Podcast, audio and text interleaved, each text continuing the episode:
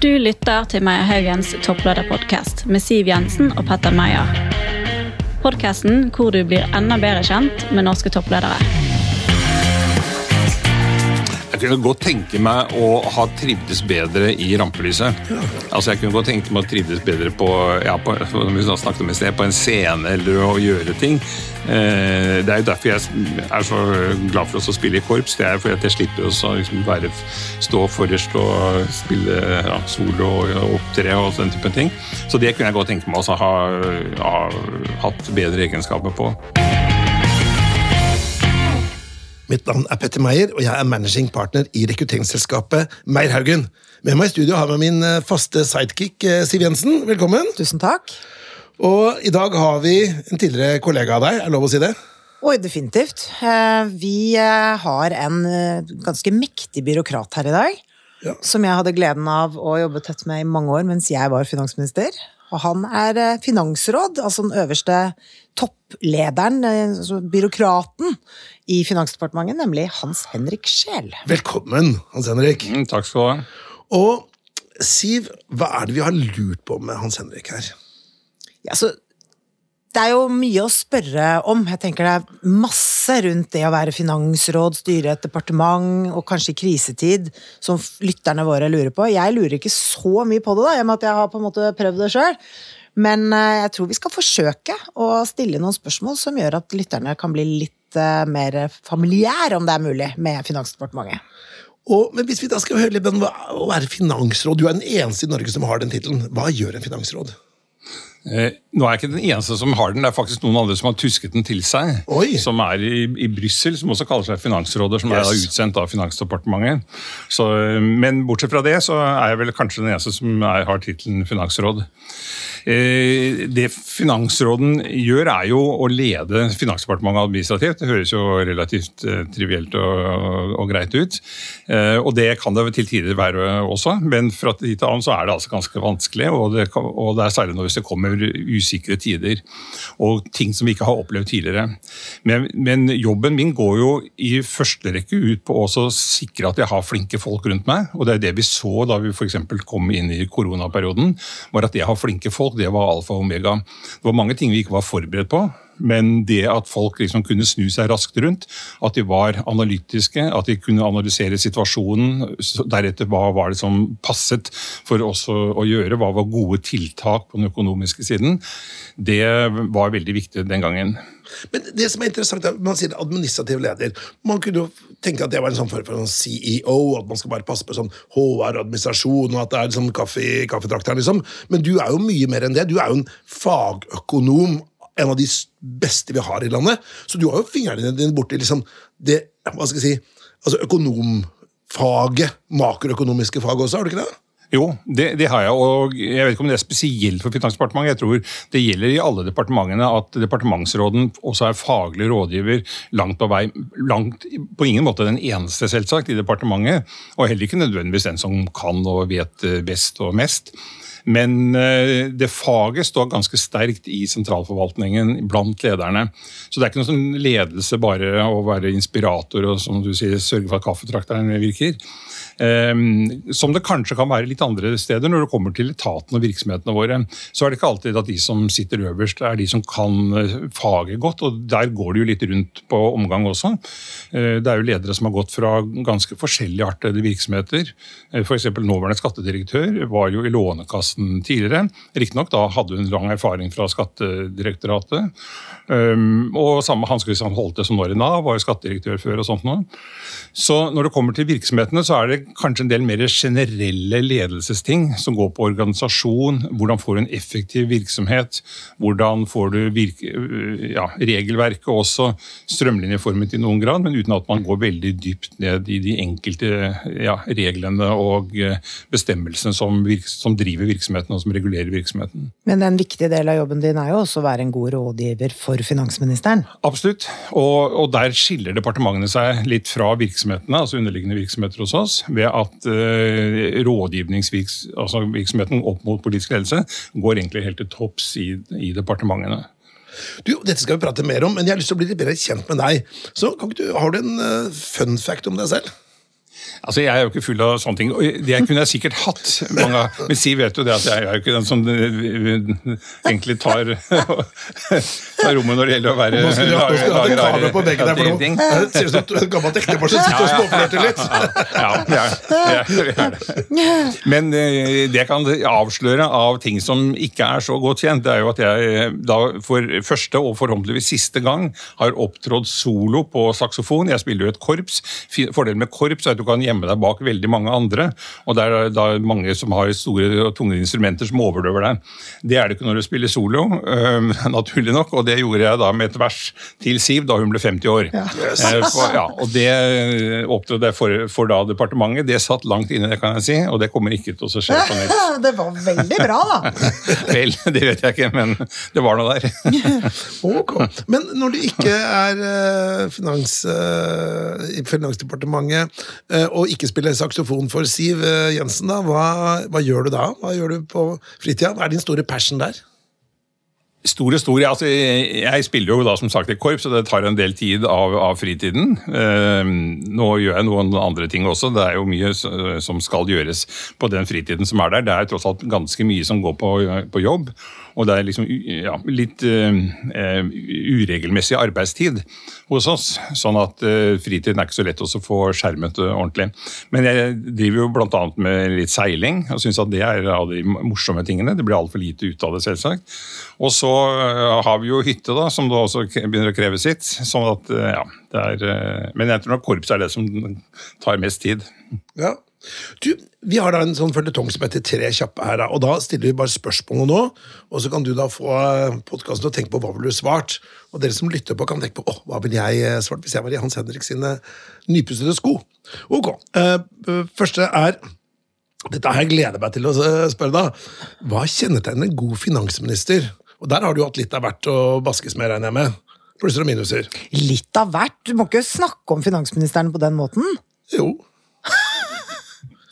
Nummer to Dette blir verre. Det blir verre. Eh, hva ville du gjort hvis du møtte Putin på gata? På Stabæk-kamp? Eh, og nummer tre Er det et kulturelt eh, innslag du ville slå en slag for? Altså bok, film, serie, et eller annet. Da svarer vi det på tampen av podkasten. Men Finansdepartementet, Siv, der har du også eh, litt erfaring fra. Det har jeg definitivt. Men det som kunne vært eh, kanskje interessant for lytterne å høre, er jo hvordan Finansdepartementet bygget opp, og hvordan jobber dere inn mot um, politisk ledelse? Det er jo, ikke sant, særlig nå, da, hvor vi ser en litt annen type krise enn det vi kanskje har hatt de siste 10-15 årene. Må dere ruste dere på en annen måte når dere skal analysere norsk økonomi og gi råd på en måte hva som skal til? For det, er, det skjer jo så veldig mange ting oppå hverandre. Det var ganske mange spørsmål. Altså, vi er jo bygget opp gjennom avdelingen ganske tradisjonelt sånn sett, som tar seg av sine arbeidsfelt. Vi har f.eks. to avdelinger som driver med skatt. En som driver med finansmarkedet, en som driver med fondet, oljefondet, både hjemme og ute. Og så har vi da en administrasjonsavdeling og en økonomiavdeling som driver med makro. Og så har vi finansavdelingen som den som driver med budsjettet, og mye som går på effektivitet i offentlig sektor. Um, ja, og uh, når det gjelder uh, jobbingen, så er jo den Mye er jo gitt av årssyklusen og budsjettsyklusen sånn som den er. Og mye er rettet inn mot oss å lage rett og slett statsbudsjettene, nasjonalbudsjettene. Og det er et revidert et på våren og et ordinært et på høsten. Og så har vi en del meldinger som også er ganske sånn tradisjonell karakter, hvor vi har en finansmarkedsmelding og en for fondet. Og så er det sånn at Innimellom så skjer det da ganske store og uventede ting. og Det er det neste du spør om. Og hva gjør vi da? Og Da må vi noen ganger rett og slett se på organisasjonen og se om vi må gjøre det om på det eh, i noen grad. Det gjorde vi under koronaen. Der måtte vi snu oss rundt i løpet av bare noen dager. Eh, og eh, vi hadde en krisestab som tok seg av liksom, den nære delen av krisen, nemlig hvordan organiserer eh, vi virksomhetene våre, hvordan er det med sykdom osv. Er det noe vi må tenke på der. Og så er det de som skulle gi rådene til statsråden, og da videre også til regjeringen. Hvordan skulle den, det være organisert. Og Der spredde vi det arbeidet litt mer utover, slik at vi lot også økonomiavdelingen ta seg av ting som normalt ville ligget enten i finansavdelingen eller ligget f.eks. i Næringsdepartementet. Og det gjelder den støtteordningen for bedrifter mm. som, som vi påtok oss.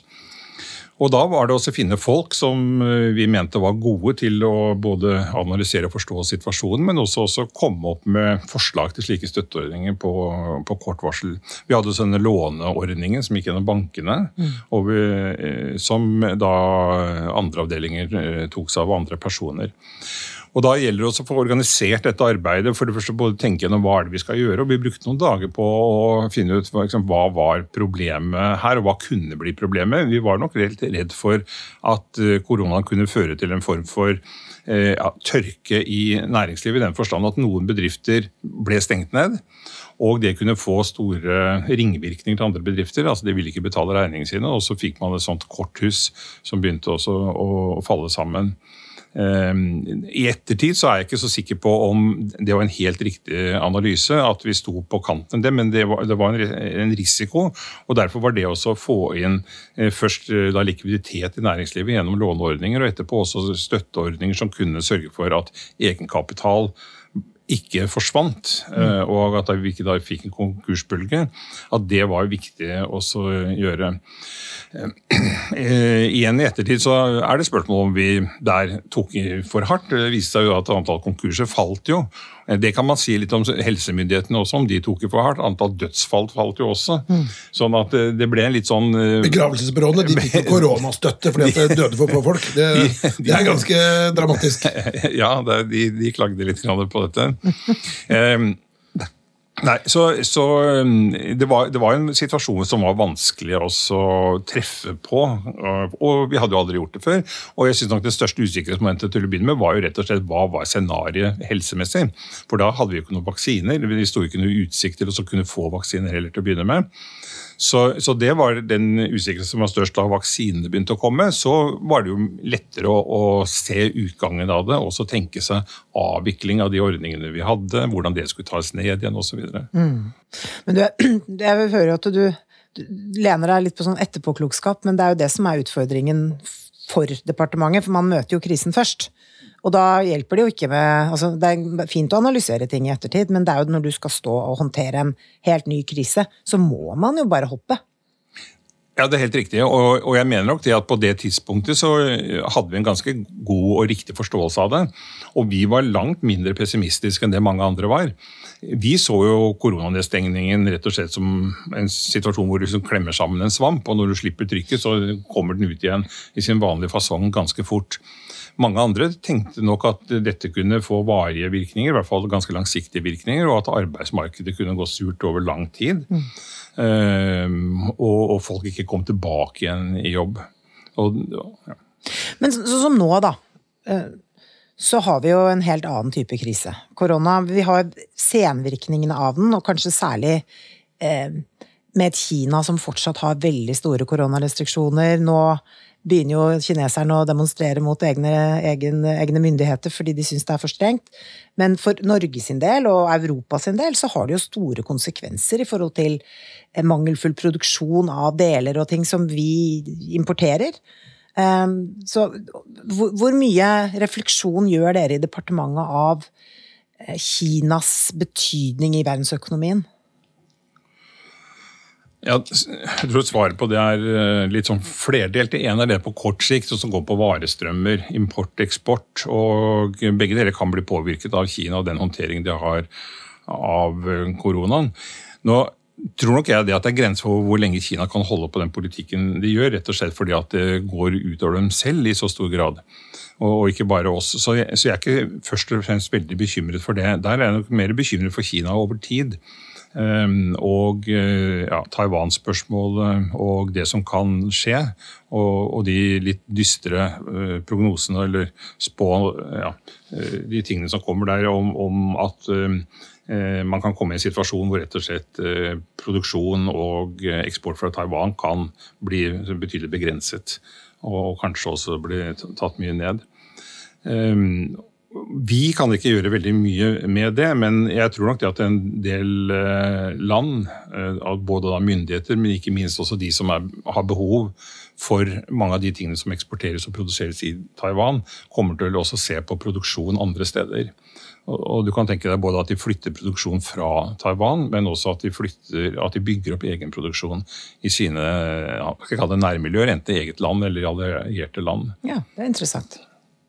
Spennende. Men hvis man da ser på Finansdepartementet, og jeg vil jo aldri våge å kritisere Finansdepartementet på noe som helst vis, men det som man, i hvert fall i næringslivet så er det en liten sånn øh, Det er noen som sier at politiske myndigheter minus Finansdepartementet selvfølgelig, er litt sånn treige på labben. At man alltid er litt sånn, alltid et halvt år for seint ute med både å slippe opp og stramme inn. For nå så er det jo veldig mange i næringslivet som er bekymret og nervøse for hva som skjer. Og så kommer da plutselig økt arbeidsgiveravgift, og så kommer liksom alt mulig. Så vet jeg at Norges Bank er, er selvfølgelig selvstendig og setter opp renta helt uavhengig av dere. Men, men i sum for næringslivet så ser man at Jøss, nå, nå er jo næringslivet på vei ned, og så kommer innstrammingene. Burde, mens man var for, kanskje for seine med å slippe å skru til skruen på slutten av koronaen, da hvor man har hatt to år med helt elleville tilstand i, i, i hvert fall store deler av næringslivet. Hva tenker du om den kritikken der? Ja, Det ene er den generelle kritikken om at man er, hele tiden er bakpå. Den kritikken er ikke helt riktig lenger. og Der mener jeg nok at koronasituasjonen viste hvor raskt det egentlig kan gå i finanspolitikken. Og sånn at Nå har vi nok begynt å skrive litt om på tekstene våre. fordi at eh, Lenge så sto det slik at pengepolitikken var den raske og responsive og de som kunne ta ting med en gang.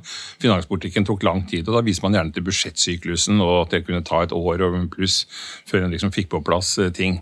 Det var jo ikke situasjonen under korona. Der var det i løpet av noen få uker så var det en utbetalingsordning på mange milliarder som var klar. Og det var låneordninger som var klar i løpet av noen få uker. Eh, så det, så det, viser at ting kan gå veldig fort, eh, hvis man først har tenkt igjennom det og eh, har, har, satt i gang. Så er det sånn at det er ikke alltid at man skal sette i gang tiltakene fordi man ser at ting kan gå i feil retning på et senere tidspunkt. Hvis vi ser nå at norsk økonomi kanskje kan bli svak når vi kommer inn i 2024, så er det ikke nå vi skal gjøre tiltak. Vi kan få et liksom 2023 som kan bli ganske stramt arbeidsmarked, og hvor inflasjonen kan kan fortsette på et ganske høyt nivå. og Da er det ikke nå tiltakene skal gjøres. og Det er ikke sikkert engang at det er nå de skal forberedes. Det en jo har litt erfaring med, er jo at hvis man begynner å forberede ting, og særlig at forberedelsen går langt, så er det veldig fristende å starte med det. fordi at etterspørselen etter tiltak, altså fra næringslivets side, den er jo der hele tiden. Og du skal ikke se så mye krusninger i arbeidsmarkedet og i produksjon og i etterspørselen etter varer og tjenester før næringslivet kommer og sier at nå må myndighetene liksom på banen og gjøre et eller annet annet. Ehm, så, så, det er litt sånn alt til sin tid. Og Det siste spørsmålet ditt er kanskje hva, har, reagerte myndighetene for sent på den situasjonen som vi nå ser, med veldig høy inflasjon? Og Hvis du i myndigheter inkluderer eh, sentralbankene, så tror jeg nok svaret på det er ja. Og det har nok mange av sentralbankene også sett i ettertid, og delvis også innrømmet. At særlig da eh, Fed, altså den amerikanske sentralbanken, reagerte veldig sent. vil si De fortolket situasjonen kanskje feil, fordi at de så ikke at dette kunne være en inflasjon, og en inflasjon som gikk ned i arbeidsmarkedet og førte til stor lønnsvekst. Men de så dette som litt mer engangsskift i priser, og, og tenkte at dette skulle roe seg litt av seg selv. Eh, det kan det gjøre noen ganger, men i den situasjonen som vi er i nå, så er det vanskelig å se at dette roer seg selv med den lønnsveksten som er på veien i USA og ikke minst i Europa. Litt lavere i Norge. Mm. Du, eh, da sier jeg forberedt denne podkasten. Altså, begge lurer jo på hva skjer med norsk økonomi nå, da? Så hvis du skal se litt inn i departementets eh, krystallkuler og analyser, hva spår du for 2023 for norsk næringsliv? Har, departementet har jo har spådd dette i nasjonalbudsjettet, som kom i oktober. De tallene som kom den gangen. De er jo laget rundt uh, påsketider, ikke sant? Ja, det... Noen er laget riktignok litt senere. men, men, det er riktig det at de var foreldet uh, da nasjonalbudsjettet kom, og det var særlig pristallene våre som ble liggende for lavt. Um, og vi regner nok med, Nå har ikke laget ny anslag, men vi regner med at det kommer til å være noe høyere enn det lønnsveksten er. det litt tidlig å si noe om. Men generelt så er jo vi relativt optimistiske. Vi tror norsk næringsliv kommer til å gå ganske bra i resten av året nå, selvsagt, og neste år. Uh, vi tror ikke på noe veldig sterk uh, lønnsvekst, men uh, kan bli noe høyere enn det vi har, har lagt til grunn. Ehm, og vi, Prisveksten tror vi blir høyere, men arbeidsmarkedet tror vi nok også kommer til å være ganske godt. Ehm, riktignok kan det være noe høyere ledighet enn det er i dag. Eh, færre ledige jobber. Og Sysselsettingsveksten ikke, blir ikke så høy som det den har vært, men det er ikke mulig, for det er ikke nok arbeidskraft til det. Eh, så alt i alt så har vi sett for oss at dette går relativt greit gjennom neste år og inn mot 2024. Nå er det sånn at Vi vil jo alltid tro på en relativt sånn myk landing. Det er jo sjelden at vi vil liksom predikere et krasj. Selv om du tror på krasj, så sier du ikke? Nei, men vi tror, vi tror, normalt ikke på det. For vi tror at både sentralbanken og vi har såpass styring på økonomiske politikken at ikke det går mot den typen krasj. Når mange nå sier at ja, hvis vi får enda høyere rente og sentralbanken liksom går dit den vil her, da kommer det og det til å skje. Men da, hvis sentralbanken ser at det skjer, så kommer de jo ikke til å sette renten da så høyt, må man anta. Men du, statsbudsjettet for 2023 har jo fått eh, ja, litt medfart, kan man si, i ulike sammenhenger. Men en, en, av kritikkene som har kommet fra mange av eh, de økonomiske miljøene, er at eh, budsjettet absolutt ikke er så stramt som regjeringen har sagt at det er. Og hvis det ikke er det, legger man ikke da veldig mye av ansvaret på å håndtere denne inflasjonsspiralen på sentralbanken? Ja, Nå ligger jo mye ansvaret for å håndtere prisveksten på sentralbanken. Det ligger jo i hele rammeverket rundt sentralbanken. Men eh, vi mener at finanspolitikken også bør kunne avlaste eh, dette, slik at eh, da budsjettet ikke skal være ekspansivt. Når vi beregner virkningen av budsjettet, så gjør vi det først og fremst gjennom modellberegninger. Og de er litt mer ja, nøyaktige enn det, den såkalte budsjettindikatoren som vi også har, hva, hva den tilsier. Og modellberegningene våre tilsier at dette er et budsjett som er sånn noenlunde nøytralt. Det er eh, ja, og så kan man alltid diskutere desimaler på dette. Nå er det nok mulig at budsjettet er noe strammere enn det det så ut til også for oss eh, i utgangspunktet. Rett og slett fordi at eh, noen grad lønnsvekst, men ikke minst også prisveksten blir en del høyere. Den har vært høyere i år, og den kommer til å være høyere neste år. Og I det så ligger det også en innstramning i budsjettet eh, overfor ikke minst da offentlig sektor, særlig da statsdelen av den. Eh, rett og slett ved at eh, det blir ikke så rom til så mye realaktivitet som det vi hadde sett for oss. Så, så jeg vil nok si at å holde på at dette budsjettet i hvert fall ikke er ekspansivt. Mm. Men nå sa du ordet offentlig sektor. Så vet jo jeg at um, som utøvende politiker så er det vanskeligere enn man tror å effektivisere eh, offentlig eh, sektor og byråkrati. Og det er fordi det er mange motkrefter og sånn, så politikerne har en vanskelig jobb. Men du som byråkrat, ikke sant Hvis du fikk spørsmålet Er det mulig eh, å effektivisere offentlig sektor med 20 milliarder fra et år til et annet? Er det teknisk mulig? Ja, altså teknisk eh, er et viktig ord her.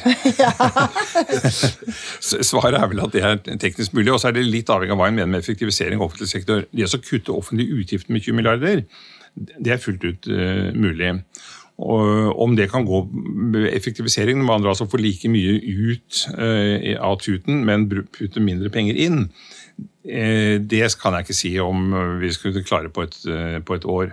Men at det er mulig å effektivisere offentlig sektor, det er det. Det skjer jo effektivisering hele tiden. Men mye av det tas ut i form av eh, økt produksjon, f.eks. innenfor skatteetaten. Det kommer stadig flere skattytere, flere folk som skal inn i manntall osv. Uten at de får tilsvarende ressurser til det. Det samme er det på, på Nav og, og, sånt noe. Sånn at uh, mye av effektiviseringen er, uh, slår da ut i at produksjonen øker. Og det er ikke så mye penger å spare på det sånn sett. Og så kunne man prioritert annerledes og så si at det er visse deler av det vi holder på med som vi skal kutte ut.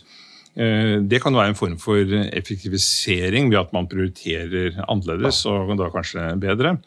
Eh, men det betyr også at man får mindre produksjon eller mindre tjenesteyting på et eller annet område. Men jeg har ikke lyst til å slippe det med konjunkturene. For det, jeg, det, er mange av våre kunder som ringer meg og sier du, hva skjer videre. Og så sier jeg, jeg, vet jo ikke noe mer enn dere, jeg leser, men jeg leser de samme rapportene som alle andre.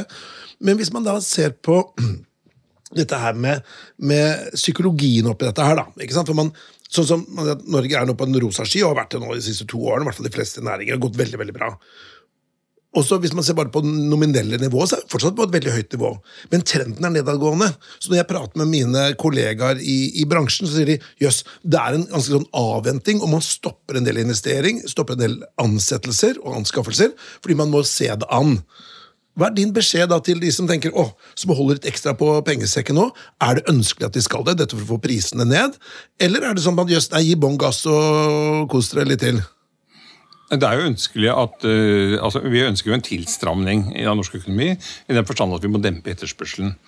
Um, og eh, etterspørsel, Lavere etterspørsel det kan være innenfor konsum, altså privat konsum. Det kan også være investeringer. Og Når prisene går opp, så er det helt naturlig at etterspørselen skal, skal da gå ned sammenlignet med hva den ellers ville ha vært.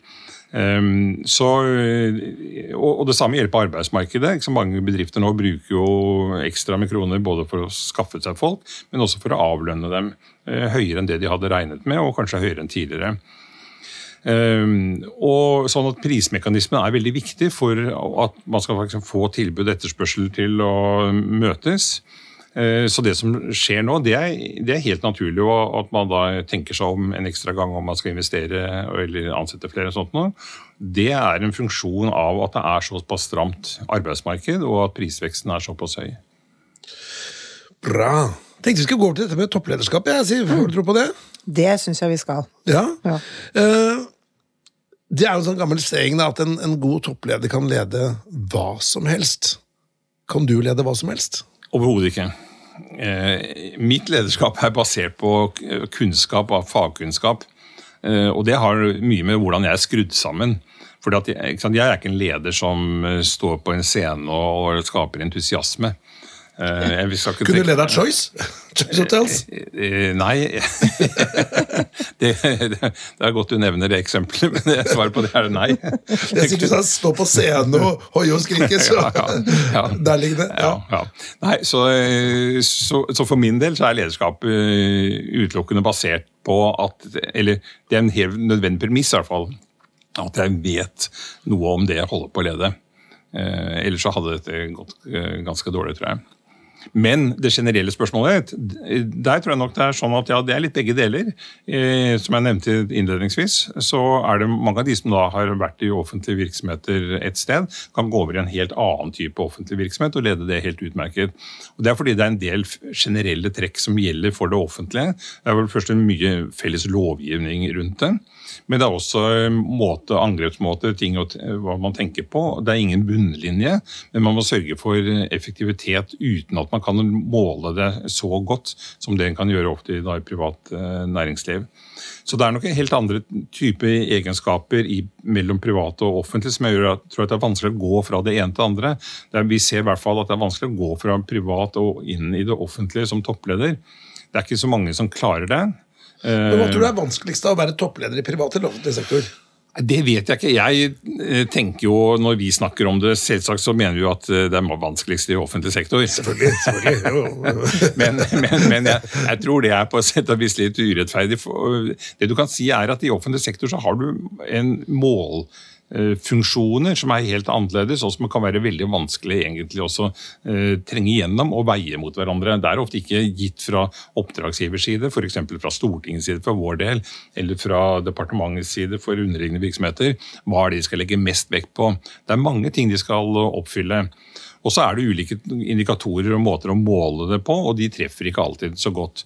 Så, så det å balansere disse hensynene, det er ikke så lett når du er toppleder i det offentlige. Eh, ta f.eks. kontroll. Vi får jo stadig kjeft for at vi ikke kontrollerer riktig osv. F.eks. innen tolletaten, og at ikke kontrollnivået er høyt nok på ulike områder. og sånt. Men de har begrenset med ressurser, og de må balansere dette mellom ulike typer eh, virksomheter. og da er det ting som må nedprioriteres. Det er litt vanskelig i det offentlige.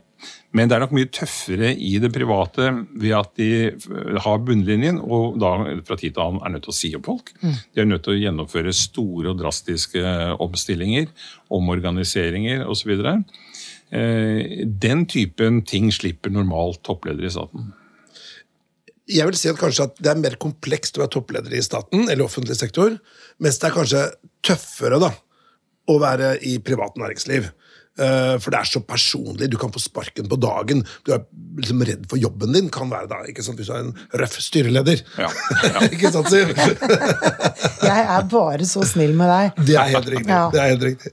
Ok, Men hvordan jobber du med rekruttering? da? Det er jo litt interessant for oss som er et rekrutteringsselskap. Når du skal ha eh, ansette folk i eh, din nærmeste krets.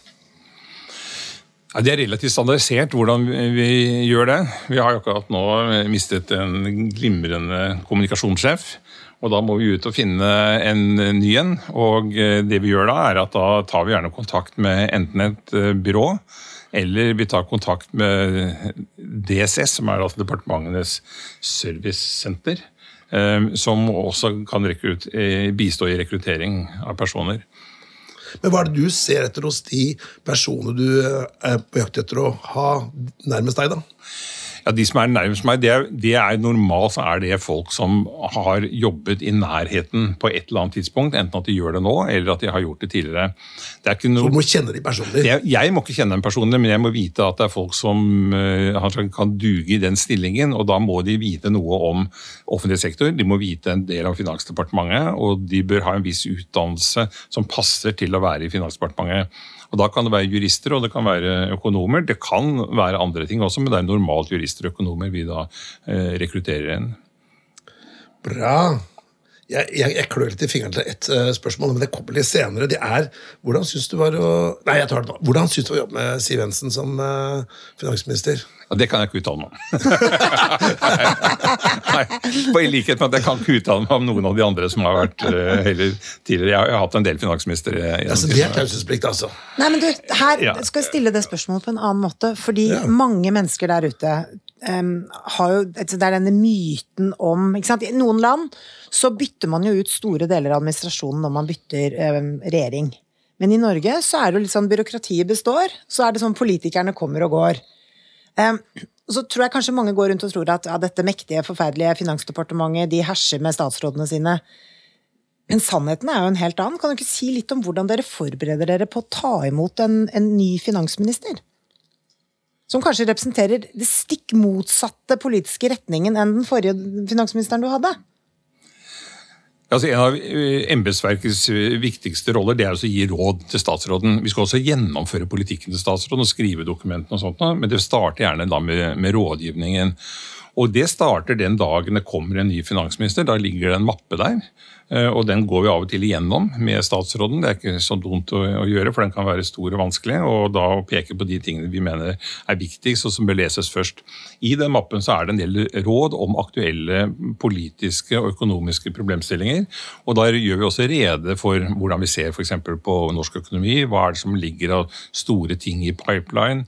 Eh, Hva er det den forrige regjeringen har iverksatt, men som ennå ikke er gjennomført av, av store ting, og som, og som er offentlig, vel merke. at de tingene som den forrige regjeringen eier av ting som ikke er offentliggjort, de, de ligger i skuffene og blir liggende der.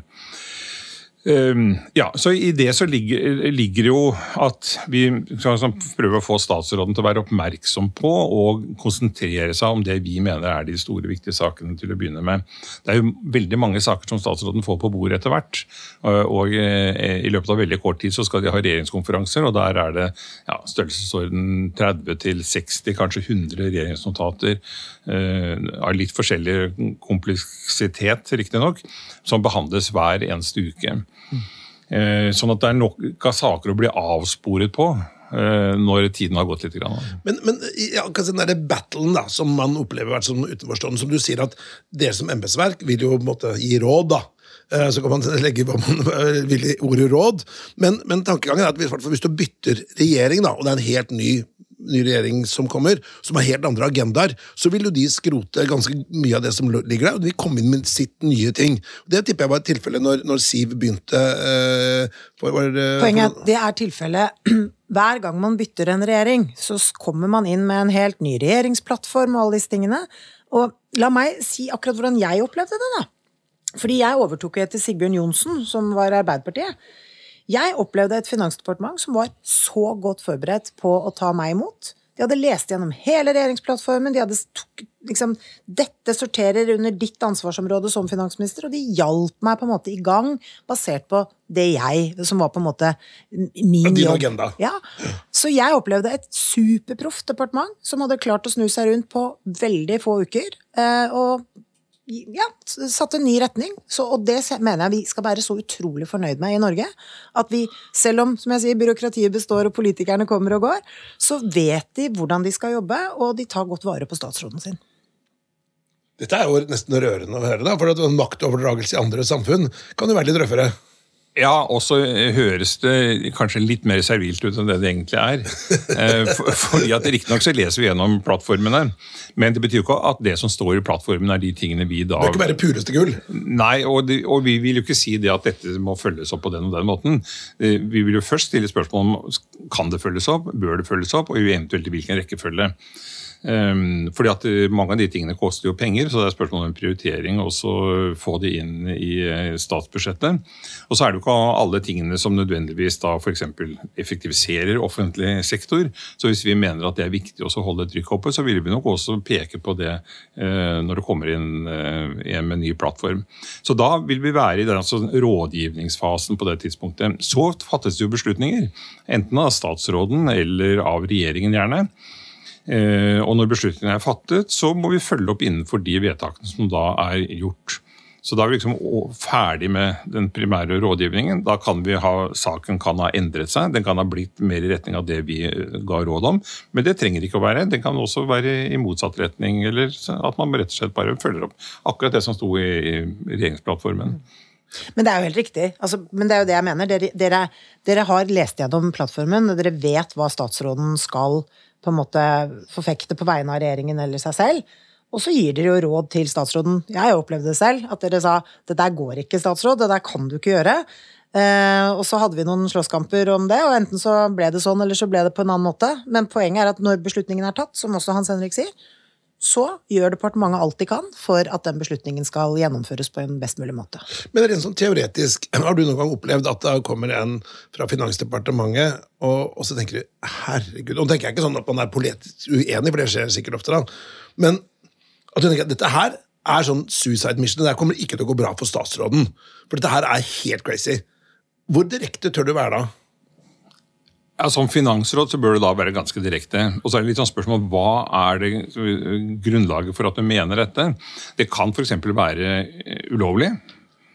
Eh, Eller det kan være på grensen av, det loven. det- Ja, altså, det skjer jo, for vi har, mye lovgivning her som kommer fra EU. Ja. Ikke sant? Sånn at det kan være at det er i strid med EØS-avtalen, eller det kan være stor, høy prosessrisiko, som da regjeringsadvokaten vil si. Uh, altså, det, betyr at du kan risikere å bli saksøkt, og du kan tape saken med ganske stor sannsynlighet. Ja. det må det gjøres oppmerksom på overfor en statsråd at det er sånn. Da hviler vi oss på ja, som sagt, regjeringsadvokaten, det kan være også Lovavdelingen, og, og de beste rådene vi kan få der. Og, så Det er én variant av det. Det andre er jo at en sak kan gå dårlig av andre grunner. altså det, kan, det kan være sånn at man ikke tror at du får det til i det hele tatt. Det er ikke mulig å regulere seg til det på den måten osv. Eller det kan ha veldig store ulemper. Eh, og det må vi også eh, si fra om at at, at det kan komme til å skje. Så er det også, kan det være risiko for at eh, man ikke får det gjennom f.eks. i Stortinget, eller at dette blir endret på på et senere tidspunkt. Det er den politiske testen du har ja, også. Det er litt mer sånn politisk-taktisk rådgivning. Ja. Der er vi For det går inn der også, den får du det gjennom der Stortinget. Er vi litt, der, er vi ofte mer tilbakeholden. og Det er eh, et par grunner til det. Det ene er at det kan nærme seg litt mer partipolitikken. Og det andre er at statsråden kan ha vesentlig så gode kunnskaper om dette som det vi har. Eh, Sånn at Hvis det er en dreven statsråd, så vil det normalt ikke være nødvendig å også ha mye synspunkter på den typen ting. Eh, Vedkommende kan ha sittet i Stortinget lenge og, og kan dette ut og inn, og, og langt bedre enn oss. Men det kan også være statsråder som liksom kommer mer utenfra, og som ikke er drevne på Stortinget.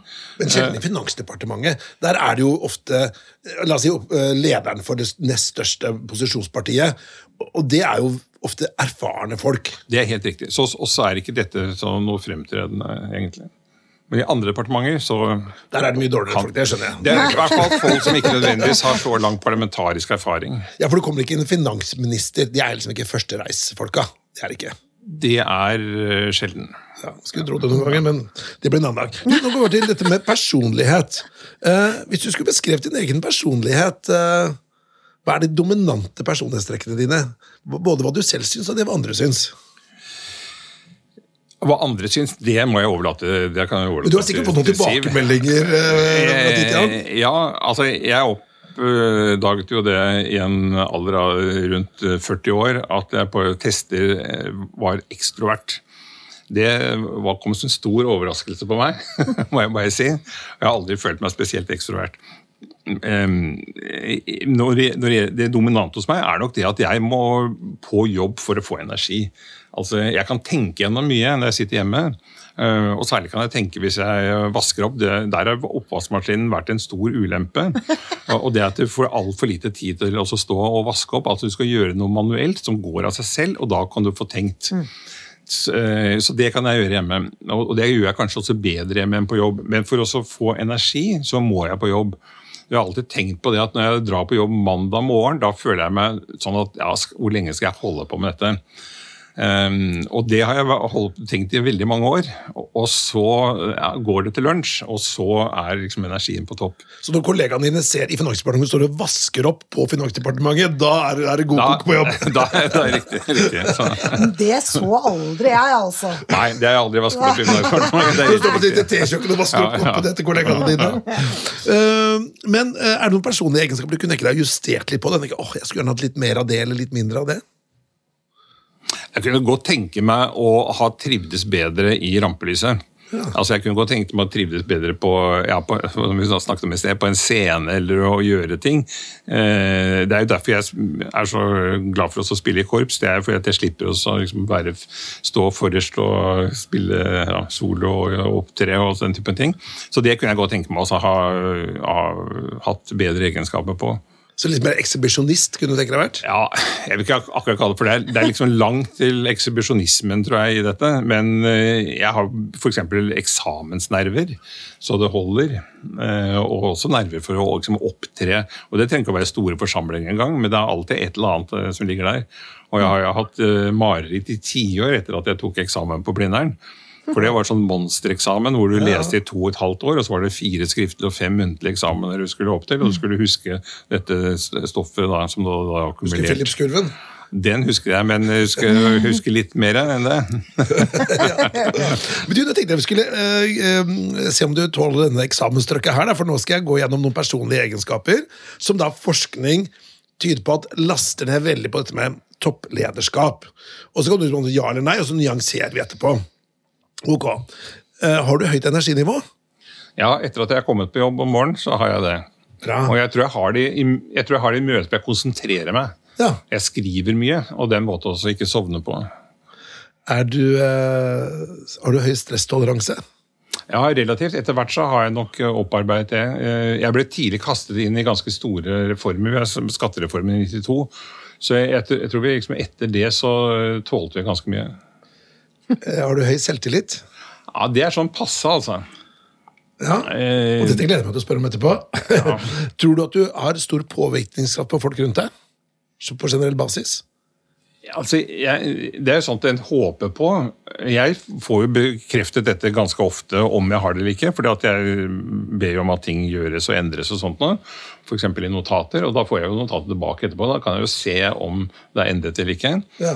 Eh, Det er sånn, litt, sånn, litt sånn begge deler. Eh, Men jeg tror det at jeg har påvirkning på de gangene hvor det i hvert fall er noenlunde fornuftig det jeg mener, og så får jeg heller ta i retur de tingene hvor de mener at jeg tar feil. Ja. Og da er det ofte jeg, jenker meg og Ja. endrer på det. Resultatorientert? Ja, absolutt. Uh, er du overbevisende? Det vet jeg ikke. Det er ikke så lett for meg å bedømme.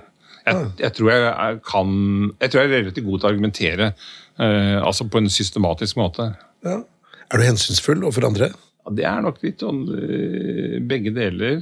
Nå er, trenger jo ikke jeg også ta Altså, jeg har jo ikke så mye situasjoner hvor jeg skal liksom korrigere folk i veldig stor grad. og jeg skal jo ikke si opp folk, jeg skal knapt nok flytte på dem. og sånt nå. Så de, liksom de store prøvelsene her har jeg egentlig aldri vært ute for. Nei. Er du besluttsom? Ja, eh, Altså Stort sett så er jeg stort sett på den måten at jeg vet omtrent hva jeg vil. Og sånt nå. Og så er det et spørsmål hvor hard er jeg klypa? Uh, nå er det ikke alltid at jeg trenger å være så hard, for jeg har jo en statsråd over meg som ofte er den som da beslutter tingene. Det er begrenset hva jeg, hva jeg beslutter, men det jeg beslutter er jo kanskje innenfor rådgivningen. Så uh, ja. Jeg, jeg, vil si at det er, det er sånn at uh, på de tingene som jeg mener er viktige, så gjør jeg det. Men jeg tar ikke en, en hvilken som helst kamp. Nei. Er du optimistisk? Ja, er, ja, stort sett så er jeg vel relativt optimistisk. Det er jeg. Ja. Sel, selv om vi er betalt litt for å være pessimistiske. Altså, så, ja. Er det ikke noen som sier at folk i Finansdepartementet de kan bryte ut i en kondolanse når som helst? det har jeg aldri hørt, men det, det er mulig. det man ofte sier, er jo at når man møter en så særlig i finansavdelingen i Finansdepartementet, så sier de nei før de sier hei. Det er jo sånn der eh, humor på Det er sånn der sentralforvaltningshumor. Ja, det er flere av oss politikere eller, som har brukt det om eh, byråkratene i Finansdepartementet. Ja, ikke sant? Ja. Men du syns dette passa på Hans Henrik, eller du som kjenner han litt, eh, Siv? Ja. Syns det var uh, mye selvinnsikt her.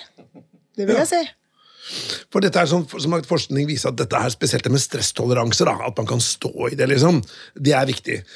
Og at man da men det som skiller litt norsk forskning på det, og spesielt amerikansk næringsliv, er at det å være hensynsfull, altså flinkere med folk, det er en egenskap man som Ikke bare at man setter mer pris på det i Norge, men det er også viktigere. Mens i USA så er det i større grad det er tøffere arbeidsliv, tøffere næringsliv, hvor det er mer sånn dog eat dog. Du må være tøffere. Ikke fordi du har lyst til det, men du, bare, du overlever ikke derfor. Der kan du ha en nestleder som du tar deg liksom hver dag, da. Ok. Eh, Siv, mm. eh, har du mer på hjertet her? Du, tiden går jo så fort. Så det er mye jeg skulle snakket om her. Jeg skulle gjerne snakket litt om skattesystem og snakket enda litt mer om norsk økonomi og sånn, men vi rekker det bare ikke. Nei, vi gjør ikke det. Uh, skal vi ta liksom disse tre kjappe, da? Mm. Ok. Uh, det er de, disse spørsmålene uh, Nummer én. Hva kjennetegner en god finansminister? Jeg vil si at eh, Der bør en ikke være for streng med hensyn til hvordan en god finansminister skal være. Det er mange måter å utøve den rollen på, og mange som kan passe godt. Eh, og jeg har hatt en god del finansministre siden Rolf Presthus i sin tid og, fremover. Og eh, de har vært ganske forskjellige, mange av dem. Både, det ene er jo at politikken deres er forskjellig, angrepsmåten, liksom, hvordan de angriper ting, hvor mye de leser, hvordan mye de setter seg inn i ting, liksom, hvor verbale de er osv. Det er, er, kan være ganske forskjellig, og mye av dette kan fungere. Det viktigste er at man kommer inn i rollen, og at man liksom skjønner at dette er en uh, annen rolle enn det å sitte på Stortinget. Du blir stilt til ansvar på en helt uh, annen måte. Du må tenke over konsekvensene på en helt annen måte av det du kommer med, og det du foreslår og det du sier. Ofte må du være mer nøye med hva du sier, fordi at det blir fortolket på en helt annen måte enn hvis du sitter på Stortinget. Og det er litt som sentralbanksjefer også, at eh, de, liksom de store sentralbanksjefene de pleier ofte å holde seg veldig til manus. Og det er jo fordi at der er det svær verden ute som prøver å se på hvert eneste ord, og det blir litt sånn kriminologi ut av det. Det er ikke så strengt for finansministeren, men, men også de må, må, tenke gjennom ting. Sånn at, det, at man, liksom, man må drøfte ting med folk internt egne politiske rådgivere, ikke minst sånt nå, og uh, før en går ut med, med store utspill. Jeg har prøvd å si noen ganger nå etter at jeg sluttet med politikk. Jeg var jo både finansminister og partileder. Så jeg har sagt at finansministeren møtte partilederen veldig ofte i døra. Eh, og så hadde de mange diskusjoner. Eh, men jeg har sagt veldig mange ganger at det var fornuftig at finansministeren vant de fleste slåsskampene mot partilederen. Og det mener jeg i ettertid, fordi eh, finansministeren må tenke på veldig mye mer enn en partileder må. Men det er jo hele grunnen til at man da i hvert fall de siste, siste regjeringene har en, den største posisjons, altså nest, nest største posisjonspartiet, da, blir satt på pengesekken. Eh, og det er en helt annen rolle enn det kanskje mange har lyst på. De har lyst på å gi mer, men her må du liksom bunne litt av dette eminente ebbensverket vi har da i Finansdepartementet. Ja, altså Det å skille rollen som partileder og som finansminister er nok uh, nyttig å, å, gjøre. og Jeg hadde kanskje inntrykk av at du møtte deg selv i døren på fredag ettermiddag og liksom mandag morgen. fordi at i helgene kunne du være partileder ja, i større grad enn det du var ellers. Det er helt sant. Mm. og dette kunne det hørtes ut som en ordentlig fin podkastepisode ja. til, uh, men det skal vi på en annen gang. da. Og Hvis du hadde gått på gata, så plutselig så møter du Putin, da. hva hadde du sagt eller gjort inn? Altså, det er såpass fjernt for meg, at jeg, og jeg liksom, tenker ikke på hva ville jeg ha gjort. Uh, og sånt. Jeg, vil, jeg, er veldig glad for at jeg ikke skal stå i heisen med ham. Det jeg kan si. Um, det kunne blitt uh, god kok. ja, ja. Men har du noe du ville sagt til han? Nei, jeg, jeg vil ikke si, si, noe om det nå. Altså, jeg tror rett og slett ikke jeg ville hatt uh, funnet på noe å si. Ok, da går vi til neste. Ja. Uh, en kulturopplevelse, bok, film, CV-serie som du tenker kan være fint for allmennheten å vite noe mer om? Jeg, jeg ser jo litt på TV-serier. Det er sjelden jeg ser det ferdig. fordi at de kommer jo så himla mange sesonger for tiden. sånn at jeg, jeg klarer gjerne én eller halvannen eller to sesonger. Men en jeg har sett alle sesongene på så langt, er The Crown. Ja. Som jeg mener er veldig god. Eh, og som jeg tror også er ganske autentisk. Eh, så, eh, og jeg syns det er gode dialoger i den. Og, sånt sånn at, eh, og den er jo litt i skjæringen mellom politikk og kongehus. Jeg er ikke så veldig opptatt av kongehus, egentlig, men britiske serier har nå en kvalitet ofte. Og så liker jeg å se mafiafilmer og mafiaserier, og ikke minst om den colombianske mafiaen. Der er det en fun fact! Ja, ja, ja. Jeg har Nå er jeg spent hva slags fun fact dette er. Alt som har gått uh, om Escobar og ja. også meksikanske kartellene og sånt, det, det har jeg sett. Bra. Si var du nå på tampen du vil slå slag for av kulturelle opplevelser? Nei, jeg er veldig enig. The Crown er en fantastisk eh, serie. Jeg har sett på det aller meste av det selv. Jeg synes den er helt enestående, så det er en god anbefaling. Men, da eh, vet vi hva som skjer. Diana dør. ja. Ok. Men du, jeg tenkte vi skulle ta gå inn for landing nå, men tusen hjertelig takk, eh, Hans Henrik, i forhold til dette er den viktige jobben du gjør. Og uh, si, har vi fått svar på det vi lurte på? Ja, jeg tror vi uh, har klart å få frem uh, den viktige jobben Finansdepartementet gjør for oss alle sammen. At folk har blitt litt bedre kjent med både Hans Henrik, men ikke minst jobben som finansråd og Finansdepartementets eh, jobb som, som, superdepartementet. De er jo på en måte eh, De holder orden på hele regjeringen, og for så vidt også på hjelper statsministerens kontor også til å gjøre jobben sin bedre. Så tusen takk for at du kom.